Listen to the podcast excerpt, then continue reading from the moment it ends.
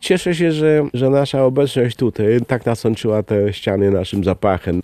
Nasze istnienie, i nasza muzyka i jej nagrywanie tutaj były świadectwem jakości tego miejsca w ogóle. Romuald Lipko. Tutaj pierwsze płyty swoje nagrywał Manam. Tutaj nagrywał Perfekt pierwsze rzeczy. Kiedyś to był taki tygiel znaczących polskich zespołów. Trzeba jeszcze drugie drzwi otworzyć wewnętrzne i zapalić światło. Światło włączone. Jesteśmy w dużym studio. Pamięta pan, kiedy pan po raz pierwszy wszedł do tego studia? Pamiętam. Krzysztof Cugowski. Wprawdzie to było no, bardzo wiele lat temu. To było w 70 roku. Z tym, że wtedy pierwsze nagranie, jakie robiliśmy z budką suflera, jeszcze nie w, w składzie, który zna większość słuchaczy, ale z tą pierwszą budką suflera, robiliśmy nagrania w małym studio, tam gdzie teraz jest studio imienia pana Stepka. Z tamtej sesji jest piosenka pod tytułem Blues Maxwell George'a i tam nagrywaliśmy, ale tutaj, o ile pamiętam, robiliśmy próby. I nagrywał nas świętej pamięci Marek Hołdzyński. Pamiętam, jakby to było, no może bym przesadził, jakby to było wczoraj, ale jakby to było ze trzy lata temu. tak jak patrzę na to wszystko, to taki film zaczyna się mi rozgrywać przed oczami. Tomasz Zeliszewski. O, tymi drzwiami, przy którymi stoimy. Tutaj wszedłem, naprzeciw nas stała scena. Festiwalu, który się nazywał Giełda Piosenki. Ktoś tam grał, studio było pełne muzyków, prawie 44 lata temu. I to było moje pierwsze wejście. Ja przyjechałem z Tarnowa z takim zespołem Wabank. Graliśmy utwór Świętobłaznów. Król potężny i brodaty, kolorowe włożył szaty. Poznałem za chwilę Pirka Janiszewskiego. Za sekundę na scenie miała budka, próbę. Potem śpiewał Węglosz, no ileś tam kapel, już nie pamiętam. Nagrodę dostała oczywiście budka. Tego samego dnia, tego samego wieczoru wylądowaliśmy bardzo szybko u Janiszewskiego na Glinianej w kawalerce, napiliśmy się wódeczki.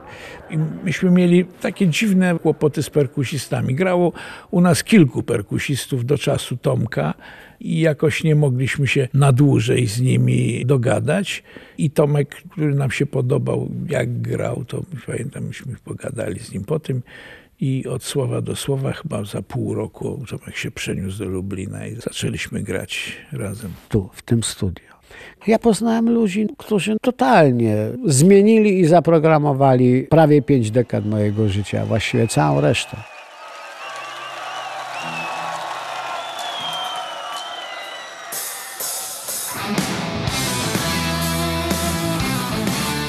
Pozdawałam na studia do różnych miast, ale tak najbardziej chciałam jednak do Lublina, bo budka suflera. Marta Szczecina. Fanka. A tylko w Lublinie przecież można ich było swobodnie spotkać. Chodziłam koło Radia Lublin i się zachwycałam, bo tu budka nagrywała płyty. Interesowała nas muzyka, interesowała nas każda solówka, każdy tekst, analizowaliśmy to. Jeszcze raz ruszy ta zniszczona płyta, Podczas jednego z koncertów poznałem swoją przyszłą żonę. Krzysztof Mełgieś. Fan. Z boku sceny gdzieś tam się z aparatem przeciskałem, musiałem ją przeprosić czy coś, żeby przejść. A akurat padły te słowa ze sceny. Może to zabrzmieć paradoksalnie, ale nie wiesz nigdy kobiecie. Wiesz, wtedy mieliśmy po kilkanaście lat Witold Wilczopolski. Fan. I faktycznie ta budka była no po prostu takim zespołem, który był nasz, lubelski, którym myśmy mieli powiedzmy na sąsiednim osiedlu, kiedy tam chłopaki, które miały 10 czy 12 czy 15 lat zasuwały, żeby właśnie zobaczyć jak Lipko wsiada do samochodu czy coś w tym stylu, no to były takie czasy, ta budka gdzieś z nami była.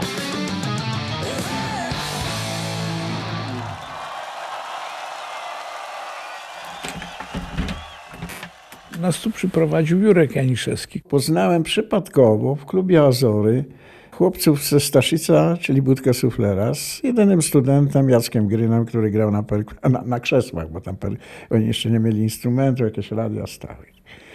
Poszedłem tam kupić sobie sporty, papierosy, takie w dziesiątkę wtedy pamiętam i słyszę ładne solo na gitarze. No to otworzyłem drzwi, a Cugowski, który stał najbliżej, mówi spierdalaj. Ja mówię, co spierdalaj? Ja pracuję, wiesz, w radiu, mogę, mogę wam coś pomóc, nie? W jakim radiu? W Radiu Lublin. I od razu, wiesz, lody pękły. I potem się tak porobiło, że pierwsze nagrania robiliśmy w Radiu Akademickim Bloku A. Nie tutaj, bo tu było, nie, nie było możliwości. No. Bo studio pełniło rolę, tak nie oszukujmy się, miejsca, gdzie się odbywały uroczystości z okazji 22 lipca, partyjne zebrania, głupoty takie o. tam. Redaktorem naczelnym został Tłuczkiewicz. Pierwszą rzecz, jaką zrobił, to mnie zwolnił z pracy bo złe papiery, bo marzec 68 roku, no i ten Jimi Hendrix, audycję nadałem, mówiłem o Hendrixie wspaniałe rzeczy, no bo to mu do dzisiaj jest mój Bóg muzyczny.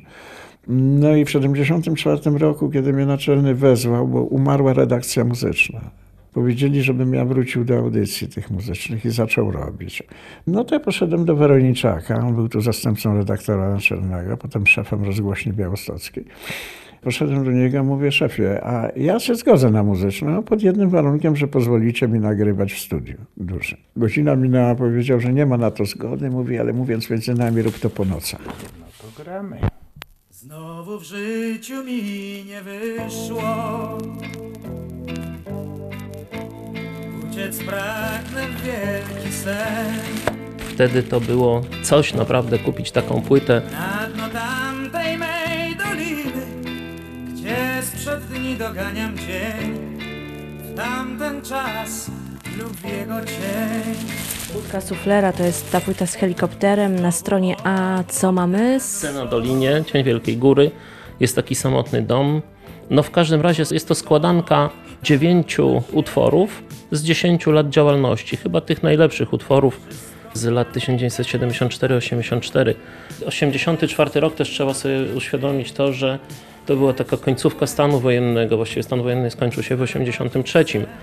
Ale to jeszcze i tak jednak ta muzyka dawała jakiś taki promyk w tej szarej rzeczywistości. Późno jest, sam wiem, że zbyt późno jest By zaczynać wszystko znów Felicjan Andrzejczak śpiew, Krzysztof Cugowski śpiew, Romuald Lipko instrumenty klawiszowe, Tomasz Zeliszewski perkusja, Jan Borysewicz gitary, Romuald Czystaw śpiew, Mieczysław Jurecki gitara basowa, Andrzej Sidło gitary, Zdzisław Janiak gitary. Jest tu opisane, jak powstała nazwa budki suflera, kiedy losowo wytypowano wyraz z otworzonego na chybił trafił słownika i okazało się, że był to prompt box, czyli budka suflera. Na płycie dziesięciolecia, która była wydana w 84 roku, myśmy nagrali tam wszystkie rzeczy, które były nagrane mono w wersji stereo. Tam było trzy czy cztery piosenki. I Seno Dolinie także tam jest solówka Zbyszka Jaremki, saksofonowa, której nie było w oryginalnej. Seno Dolinie został nagrany chyba w lutym 74 roku. Sen o Dolinie powstał z niedzieli na poniedziałek w nocy. Powstało wiele wersji, no, kilku taśmach były te wersje, no ale ten Weroniczak wspomniany mi zabrał te taśmy, ja na no mówię, mam hita. Dałem mu te taśmy, a on zadzwonił, mówi, że cenzura to ocenzurowała. Nie oddał mi tych taśm.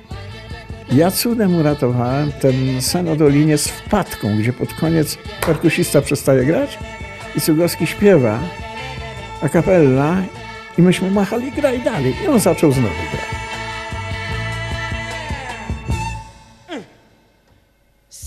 Wiem, że zbyt późno jest, by zaczynać wszystko znów.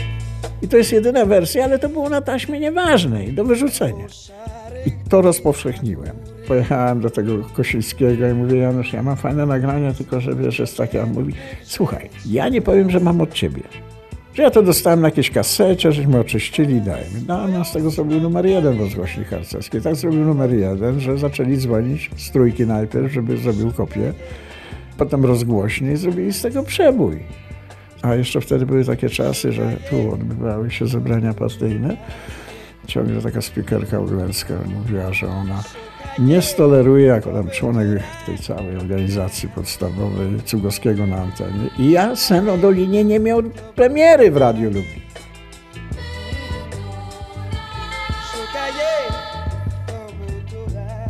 Przede wszystkim, no jak w świetlanej komunie znowu w życiu mi nie wyszło. Co to jest za rozpoczęcie piosenki? Co to jest za hasło? Jaki to jest sygnał, że jak to komuś może w życiu tutaj w tym cudownym kraju nie wyjść? No potem wolę swoją sną dolinę, płynie czas i tak dalej, to teoretyzowano, że to takie bajki w głowie ludziom wykwitają po narkotykach. Więc pierwsze teksty Budki Suflera ja mam z pieczątkami cenzury. Na etacie w radiu był pracownik służby bezpieczeństwa.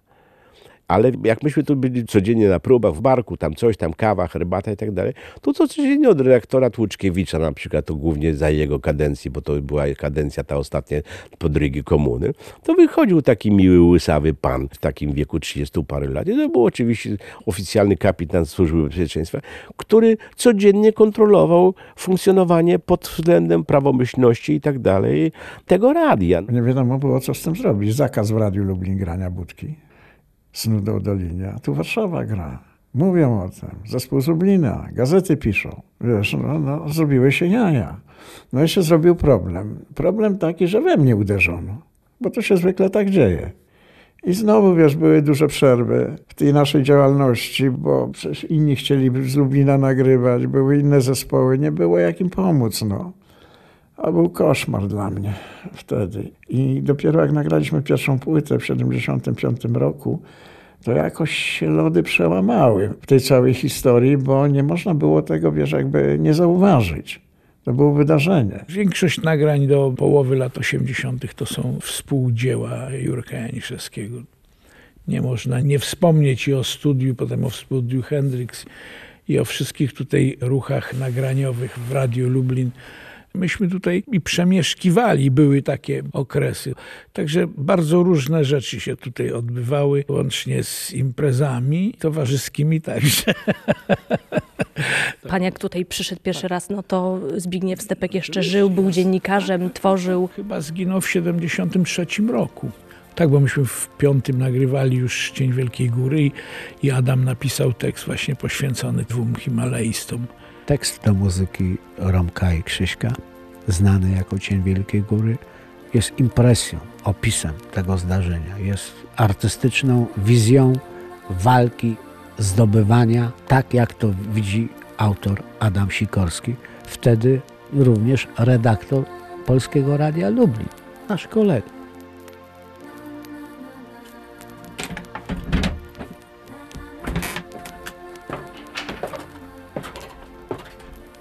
Na początku w lubelskim radiu był tak zwany jednoślad mono, czyli cały ślad na taśmę nagrywało się i tyle, więc jakiekolwiek nakładki były niemożliwe. Myśmy to grali w stylu nagrań koncertowych, czyli live na setkę kilka razy, bo wiadomo było, że to przy tak dużej ilości ludzi, bo tam były i smyczki, i chórek i tak dalej, więc jak się ktoś kropnął, to trzeba było od nowa. Tutaj były takie duże szafy odsłuchowe, w których były bardzo dobre głośniki Goodmansa. Te szafy miały lepsze głośniki wiele razy niż sprzęt, którym myśmy dysponowali do grania. Myśmy mieli taką właśnie budę, która była troszkę wytłumiona. Tą budę się stawiało zawsze tak, że ja widziałem reżyserkę, co tam koledzy robią i jakie mi dają uwagi, co się tam dzieje. Byłem twarzą tego, a dookoła była ta buda, która nie pozwalała temu głosowi tutaj po ścianach się odbijać. Także instrumenty też były obstawiane ekranami, tak żeby to nie hulało. No to generalnie było studio jednak przeznaczone do nagrywania orkiestr symfonicznych, także do innej formy muzykowania.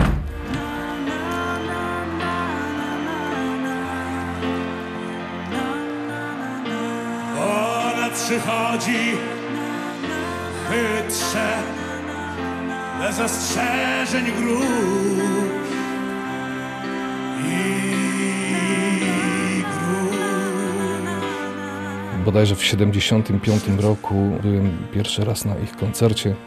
Kolega po prostu zaproponował mi, że ma bilet, czy bym nie poszedł na budkę suflera. Zdziwiona mina, co to takiego w ogóle? Nie widziałem, nie słyszałem. I to był na hali Mosyr w Lublinie. Była osoba, która sprzedawała plakaty. Gdzie się pojawiła, to tam się pojawił taki tłum, że ona tych plakatów w ogóle nie mogła sprzedawać. Także większość koncertu to była podróż za tym człowiekiem, żeby kupić plakat. Koncert był bardzo fajny. W ogóle myślałem, że do tej pory podobną muzykę tylko w Polsce gra SBB. A to się okazało, że nie. No i tak zacząłem się interesować. Kupiłem pierwszą ich płytę Cień Wielkiej Góry. No, oczywiście no, na czarnym rynku, ponieważ w sklepie nie można było tego dostać, także ta płyta krążyła po giełdach, po znajomych, można powiedzieć biały kruk. No i po jej wysłuchaniu, no po prostu zafascynowała mnie ta płyta.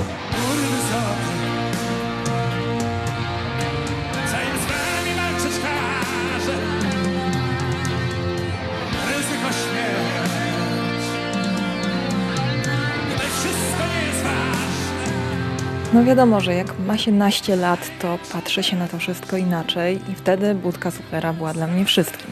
Znaczy były dwie rzeczy, szkoła i budka suflera. Potrafiłam nawet, będąc w liceum, napisać sobie usprawiedliwienie w szkole i uciec na koncert. Pochodzę z Górnego Śląska, z Gliwic dokładnie. Zdawałam na studia do różnych miast. Tak najbardziej chciałam jednak do Lublina, bo budka suflera. Później, jak już byłam w Lublinie, łatwo było prowadzić fanklub. Organizowałam zloty. Pan Zdzisław Janiak, dzień dobry. Dzień dobry panu. Skoro pan przyleciał na ten zlot fanów Budki Suflera, to pewnie można się pana spodziewać nie raz jeszcze przy takich okazjach. Oczywiście, ja cieszę się, że ktoś jeszcze mnie pamięta, bo w tym zespole grało dużo ludzi. Cofając się jeszcze do lat Tak. jeszcze 70., 80., no to pan ma znaczny udział i w dorobku zespołu, i w, w życiu grupy przez, Tak, tak, przez, oczy- przez wiele lat. oczywiście. Zresztą tak jak Romek Lipko mówi, nie tylko potrzebował muzyków do zespołu grających, bo to też chodziło o osobę taką, który ma udział też i w aranżacji tego, co się w tym zespole tworzyło. Każdy słuchał różne gatunki muzyki i każdy widzi ten numer, który Najbardziej pociąga mnie ten okres z lat 70., kiedy muzyka budki była najbardziej rockowa Jarosław Sawic, autor książkowej monografii Budki Suflera. i najbardziej ambitna. Ściślej rzecz biorąc, są to kompozycje z dwóch pierwszych albumów, czyli z Cienia Wielkiej Góry i z Przechodniem Byłem Między Wami. Ja do nich regularnie wracam. Uważam, że w obszarze polskiej muzyki rockowej są świetne. Gdybym miał wybrać jeden utwór Budki Suflera, to byłaby to Pieśń Niepokorna. Jest pieśń jak żagiel, gwiezdny napój Wielkie skrzydła, wielki wiatr Ja uważam, że to jest taka budka w pigułce. Wszystkie najlepsze cechy budki są w tym utworze. Dla tych, co pełzać mule nie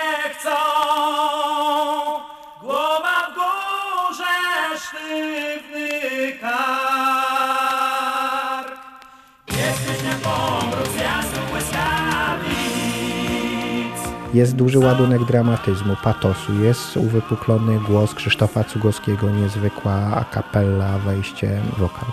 Jest piękna aranżacja Romualda Lipko, jest zaczerpnięty temat zainspirowany muzyką cerkiewną i gitara funky.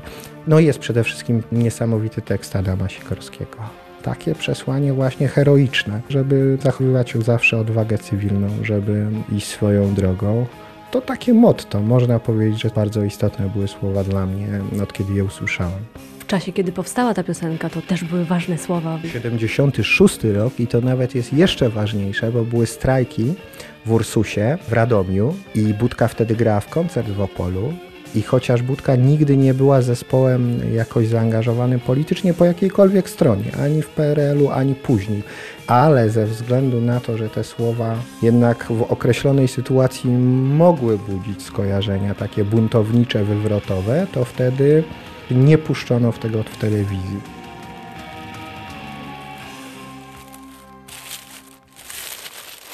Przechodniem byłem jest z 76, jak pamiętam.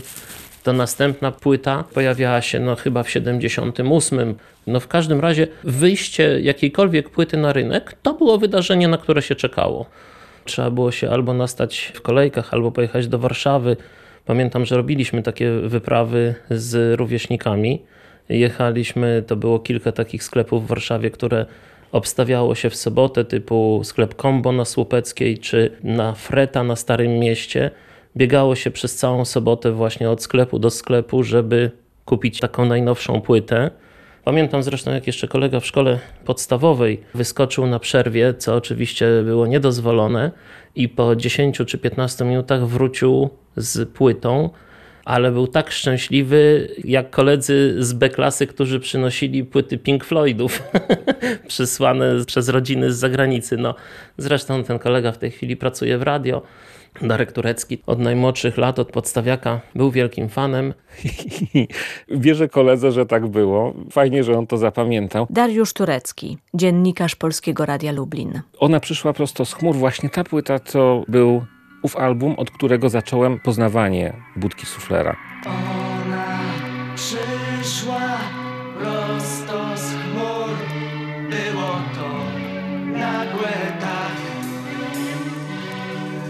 Jak błysk, jak grom, jak cud. Odejście Cugowskiego to jest początek 78 roku. Eksperyment ze Stanisławem Węglorzem, nowym wokalistą, nieudany. Przychodzi Romuald Czystaw i to jest moment, w którym Budka stoi na takim rozdrożu, bo traci frontmana i wokalistę o bardzo unikalnym głosie. W zasadzie zawsze jest problem z zastąpieniem wokalisty w zespole rockowym, ale problem z zastąpienia wokalisty takiego, jakim jest Krzysztof Cugowski, o takiej skali głosu, tak charakterystycznego i rozpoznawalnego, jest gigantycznym problemem. I to pociąga za sobą zmianę stylistyki zespołu, bo do głosu Romualda Czystawa musiał Romuald Lipko komponować zupełnie inaczej. Sesja dotycząca płyty Ona przyszła prosto z chmur, no to jest jedna wielka magia. Myśmy tu przeżywali wzloty i upadki. Mało tego, myśmy tą płytę najpierw wnieśli na wyżyny, potem żeśmy ją popsuli. To była dla nas również bolesna lekcja, która się nazywa Zauważ człowieku, że gdzieś musi być granica budowania. A jak ją przekroczysz, to się zaczyna burzenie. Wydawało nam się, że poprawianie, zmienianie, przearanżowywanie jest procesem takim, że im dłużej trwa, tym lepiej. Nieprawda. Zawsze był jakiś świetny pomysł, dla którego zaczynaliśmy wszystko od nowa. No i rozwój technologii. Ktoś jakąś nowinkę przywiózł, jakieś urządzenie. Nagrywał to z nami dosyć ekscentryczny człowiek, Kuba Nowakowski z Warszawy. Ja nagrałem 8 razy bębny do całej płyty.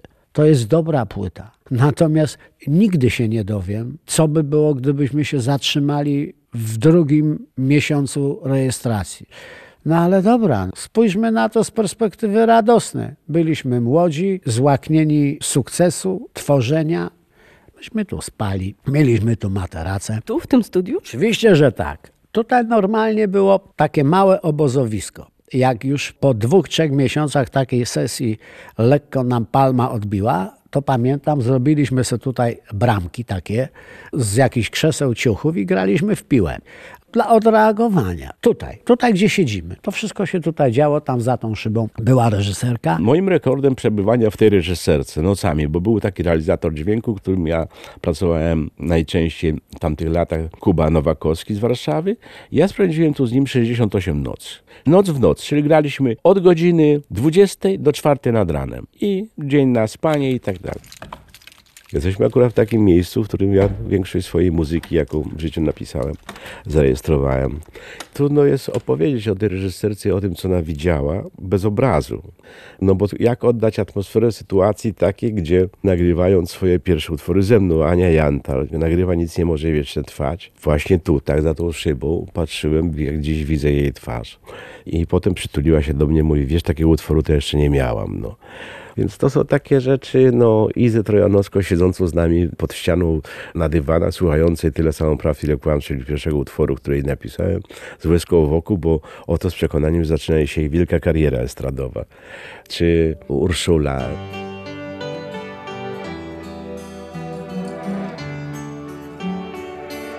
Budka pokazuje się w zupełnie nowej formule. Po raz kolejny lansuje, bo Gwiazda Trojanowskiej i Urszuli zwłaszcza, która była zupełnie anonimowa, to są kolejne momenty, które pokazują, że Budka po tych wszystkich perturbacjach, po odejściu Cugowskiego jest na fali. I tutaj bym też umiejscowił Jolkę. Znaczy to jest ten sam okres chronologicznie, kiedy ma największy swój przebój. Jolka, Jolka, pamiętasz lato ze snu, gdy pisałaś tak mi źle. Urwi się choćby zaraz. Coś ze mną zrób. Nie zostawiaj tu samym. No nie. Wyobraź sobie, że nas wyrzucono, Jolkę nagrywaliśmy w Poznaniu. Tuczkiewicz wyrzucił nas ze studia. Nikt nie wierzy, myśmy w Poznaniu nagrywali. Jeszcze górny taki szef orkiestry przyszedł, coś tam mówił, że mu nie fajnie. Wie pan co, zajmie się pan orkiestrą, to ma fałszować, no. Koniec, no. Urszula tam pierwsze nagrania dokonała, bo nas stąd wyrzucono. Kiedy byłem w szkole średniej, potem z kolei poszedłem na studia, nie pracowałem w radiu, byłem słuchaczem Radia Lublin, audycji Jerzego Janiszewskiego jak najbardziej. Kiedy prowadził sobotnie poranki z radiem, miał taką zasadę, że grał wyłącznie nowe piosenki, ale dobre piosenki zagranicznych wykonawców, tych najlepszych, i w to wplatał to, co nagrywane było tutaj w studiu Polskiego Radia Lublin. Wiele z tych nowych piosenek to były piosenki Budki Suflera przed premierą.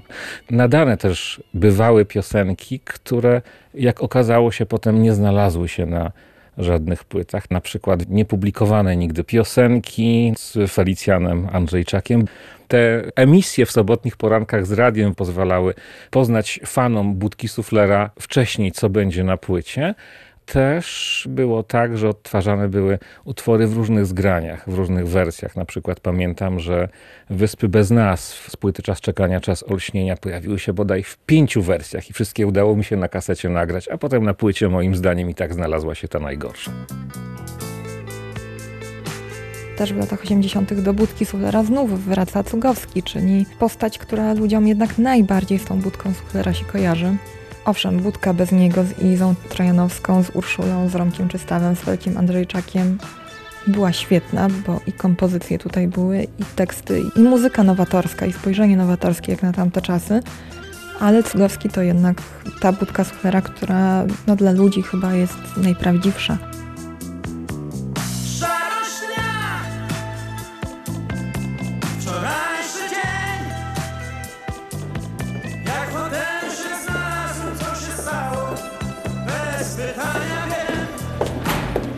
10 metrów od studia R1 jest pomieszczenie, gdzie w Radiu Lublin w tej chwili znajduje się dział internetowy. Wtedy, kiedy nagrywana była cisza, mieścił się telewizyjny montaż, bo w tamtym czasie to było radio i telewizja w tych murach budynku przy obrońców pokoju 2 i około 10 metrów dalej studio muzyczne. Paweł Skóra, który nagrywał wtedy Krzysztofa Cugowskiego wokale do utworu Ragtime, otworzył drzwi od reżyserki. Dosyć głośno słuchał, bo tego wymaga realizacja dźwięku. I ten śpiew Krzysztofa Cugowskiego, zamkniętego w budce, nomen omen, w studiu muzycznym, takiej wewnętrznej budce, żeby ten głos gdzieś nie uciekał, nie hulał po studiu, ten głos wydobywał się tutaj i niósł po korytarzach Radia Lublin. Nagle zorientowałem się, że przy tych drzwiach reżyserki studia muzycznego, studia nagraniowego stoi tłum ludzi. To są głównie koledzy z telewizji i słuchają, co tam się dzieje. W momencie, kiedy Krzysztof wyszedł ze studia, już przechodząc do reżyserki, rozległy się brawa, tak jak na koncercie, tak jak na występie na żywo. Pamiętam, że był trochę onieśmielony, zdziwił się, ukłonił, podziękował.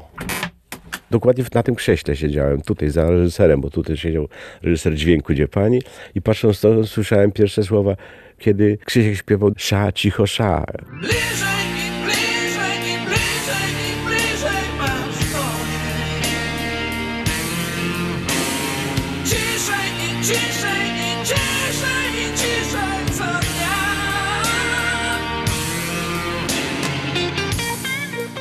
Ja bym wyróżnił tu bardzo ważny element. To było skrystalizowanie się tego składu przedostatniego budki, przez wielu uważanego za najlepszy. Po przyjściu w 1993 roku na ciszy Marka Radulego skład Cugowski, Lipko, Zeliszewski, Raduli, Jurecki. Znakomity instrumentalnie skład. Niezwykle mocny, bardzo muzykalny i to, że Marek Raduli jako ogromnie wszechstronny gitarzysta z dorobkiem, inklinacjami i jazzowymi, i rockowymi, bardzo błyskotliwą techniką i taką elastycznością. I taki człowiek, który wszedł do budki, uważam, że niezwykle dużo dał temu zespołowi. Absolutnie i na ciszy, i na nocy, i na nic nie boli tak jak życie. Bardzo duża rola była w tym Marka. Marek Raduli. Przyjechałem w takim okresie przedświątecznym, przed wigilijną porą. Nagrywałem pierwsze moje gitary do płyty Cisza grupy Budka Suflera, gdzie był Paweł Skóra, którego poznałem już wcześniej przy okazji prób pierwszych z grupą Baim. Także przyjeżdżałem tutaj jak do miejsca, które znałem, ale robiłem tutaj po raz pierwszy nagrania. Nawet nie wydobyłem wspólnie jednego dźwięku z zespołem, po prostu przyjechałem, zagrałem gitary swoje, tylko Tomek był przy tej sesji tak kontrolnie wpadł zobaczyć jak mi idzie. Oczywiście szło mi bardzo dobrze, czego są dowody na płycie, a ja tutaj żyłem po prostu przez 10 lat. Tutaj wyemigrowałem w 1993 roku, jak już moja sytuacja z budką suflera skrystalizowała się do tego stopnia, że ten kontrakt był przyjęty. Postanowiłem nie dojeżdżać. To, co miałem, czyli swój dobytek, przeniosłem i zgromadziłem tutaj w jednym z kącików tejże sali. Miałem tutaj wszystko, swój sprzęt do nagrań, wzmacniacze, gitarę. Miałem tu spokój, radio i telewizja wyciszały się po godzinie 18, już nikogo nie było. Nocami tutaj można było już sobie pozwolić na luksus odkręcenia wzmacniaczy dość głośno.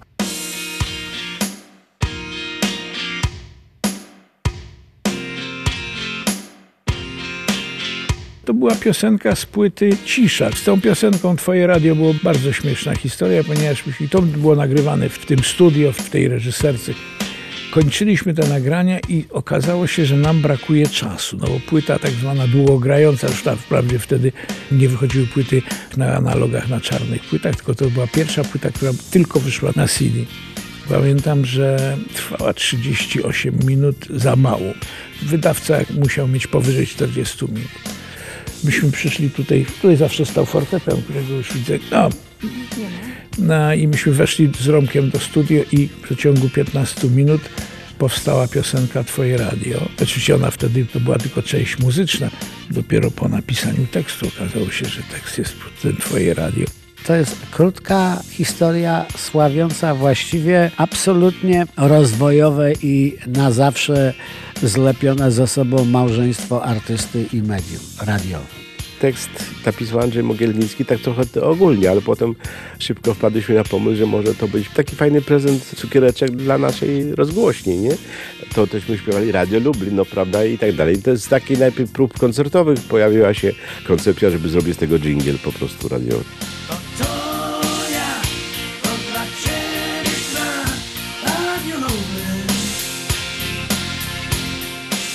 Magdalena Fijałkowska, dziennikarka Radia Lublin w towarzystwie szkolnej przyjaciółki. To tak naprawdę już boleśnie ryło mózg. Ja pamiętam, że nie lubiłam nawet tej piosenki, bo ile można. To był hymn To był hymn. wręcz, prawda? Ale przecież w momencie, kiedy wszyscy słuchali Radia Lublin, pamiętam tę tę sytuację, ja po prostu nie potrafię rano wstawać i nigdy nie potrafiłam. No i lekcje się zaczynały o 7.30, czyli godzina podejrzewam 6.40, trzeba było jeść śniadanie. I ja siedziałam w kuchni, było włączone Radio Lublin i przy tym śniadaniu to ja, to dla siebie i tak cały czas. I to był, nie wiem, ale to mi się też kojarzy właśnie z podstawówką, z tym zaspaniem i z tym podprogowym przekazem Twoje radio. To wcale nie było popularne w klasie, przyznać się, że się słucha budki suflera. To była muzyka już dla takich starszych. Coś takiego było. Dla nas jako tych młodych fanek to było jednoznaczne, że jeżeli chcemy spotkać budkę suflera, to musimy się gdzieś tam plątać przy Radiu Lublin, bo oni do tego radia do pracy przychodzą, więc to nic złego, jeśli będziemy tam. Premiera książki Jarosława Sawica Memu miastu na do widzenia. Dobry wieczór Państwu. Magdalena Fijałkowska. Paweł Błędowski. Jest nam niezwykle miło, że możemy Państwa powitać w gościnnym studiu muzycznym Polskiego Radia Lublin. Studiu, które, jak Państwo się domyślają, było świadkiem wielu wydarzeń opisanych w książce, o której dzisiaj będziemy rozmawiać. Czy są Państwo już gotowi? Na pewno? Krzysztof Cugowski. Romuald Lipko, Tomasz Zaliszewski. Mietek Jurecki i główny sprawca tego zamieszania, proszę Państwa, czyli autor biografii, autor książki Jarosław Sawic. Przychodzi przebój gigantyczny, tango, który śpiewa cała Polska. Budka nadaje to całemu rynkowi muzycznemu w Polsce, osiąga milionową sprzedaż płyty, przychodzą wielkie pieniądze i są też duże konflikty w zespole, których ja starałem się w książce nie ukrywać. No i co? I się zaczyna w zasadzie takie ostatnie 10 lat. Mogę powiedzieć szczerze, że to już było raczej odcinanie kuponów. No bo jest jeszcze rozwiązanie zespołu. No ja to nazywam raczej nie z rozwiązaniem zespołu, tylko z zakończeniem kariery. Pożegnaliśmy się z ludźmi szczerze. Każdy sobie miał prawo zadać szczere pytanie na temat najbliższej i nieco dalszej przyszłości, bo to każdy na to patrzył z nas inaczej, no bo był w innym miejscu. Jakiś smutek, bo coś się skończyło, coś, co było fajne, coś, co trwało latami. No, szczerze mówiąc, szkoda, bo mogliby jeszcze spokojnie pograć.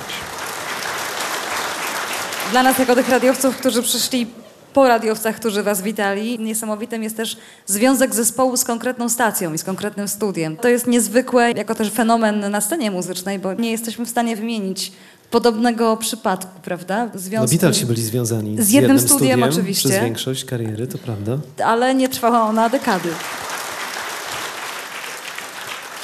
Prezes Polskiego Radia Lublin Mariusz Dekert postanowił podkreślić związek zespołu ze studiem muzycznym i nadać mu imię Budki Suflera. Powinienem powiedzieć, że takie pomysły rodzą się, mówiąc językiem budki suflera, w cieniu wielkiej góry, w ciszy. Ale tak naprawdę to, ten pomysł powstał w mojej głowie z potrzeby serca, żeby podkreślić to, że ważną częścią historii Polskiego Radia Lublin jest ten zespół. Że dla budki suflera Polskie Radio Lublin to drugi dom. I taka jest naprawdę geneza tego pomysłu. Trudno nawet powiedzieć, jakie to wrażenie dla mnie, dla nas. Inaczej powiem, to chyba tak być powinno. Nieskromnie powiem, tak. Ale to strasznie miłe. To takie są też momenty, kiedy trzeba się zastanowić nad wieloma sprawami. Nad mijającym czasem, bo kiedy tu wchodziłem do tego studia blisko 50 lat temu, to, to nie spodziewałem się, że to studio kiedyś będzie imienia zespołu, który założyłem. To, to prawda. Często ludziom towarzyszą pomysły, żeby uświetniać czy podkreślać coś, co miało moment, a wcale nie wyklucza, że historia za chwileczkę to zweryfikuje i będą w popłochu zdejmowali nazwy. Natomiast ja myślę, że nazwanie nami jest bezpieczne i nikomu nigdy nie przyniesie ujmy. Gdyby nie to studio, absolutnie nas by nie było, my byśmy tu nie siedzieli. To zbiór zdarzeń określa i maluje nasze codzienne życie. Bez tak ważnego wątku, budka suflera, o ile by się w ogóle miała, to miałaby się zupełnie inaczej. Jak długo? Nikt tego nie wie.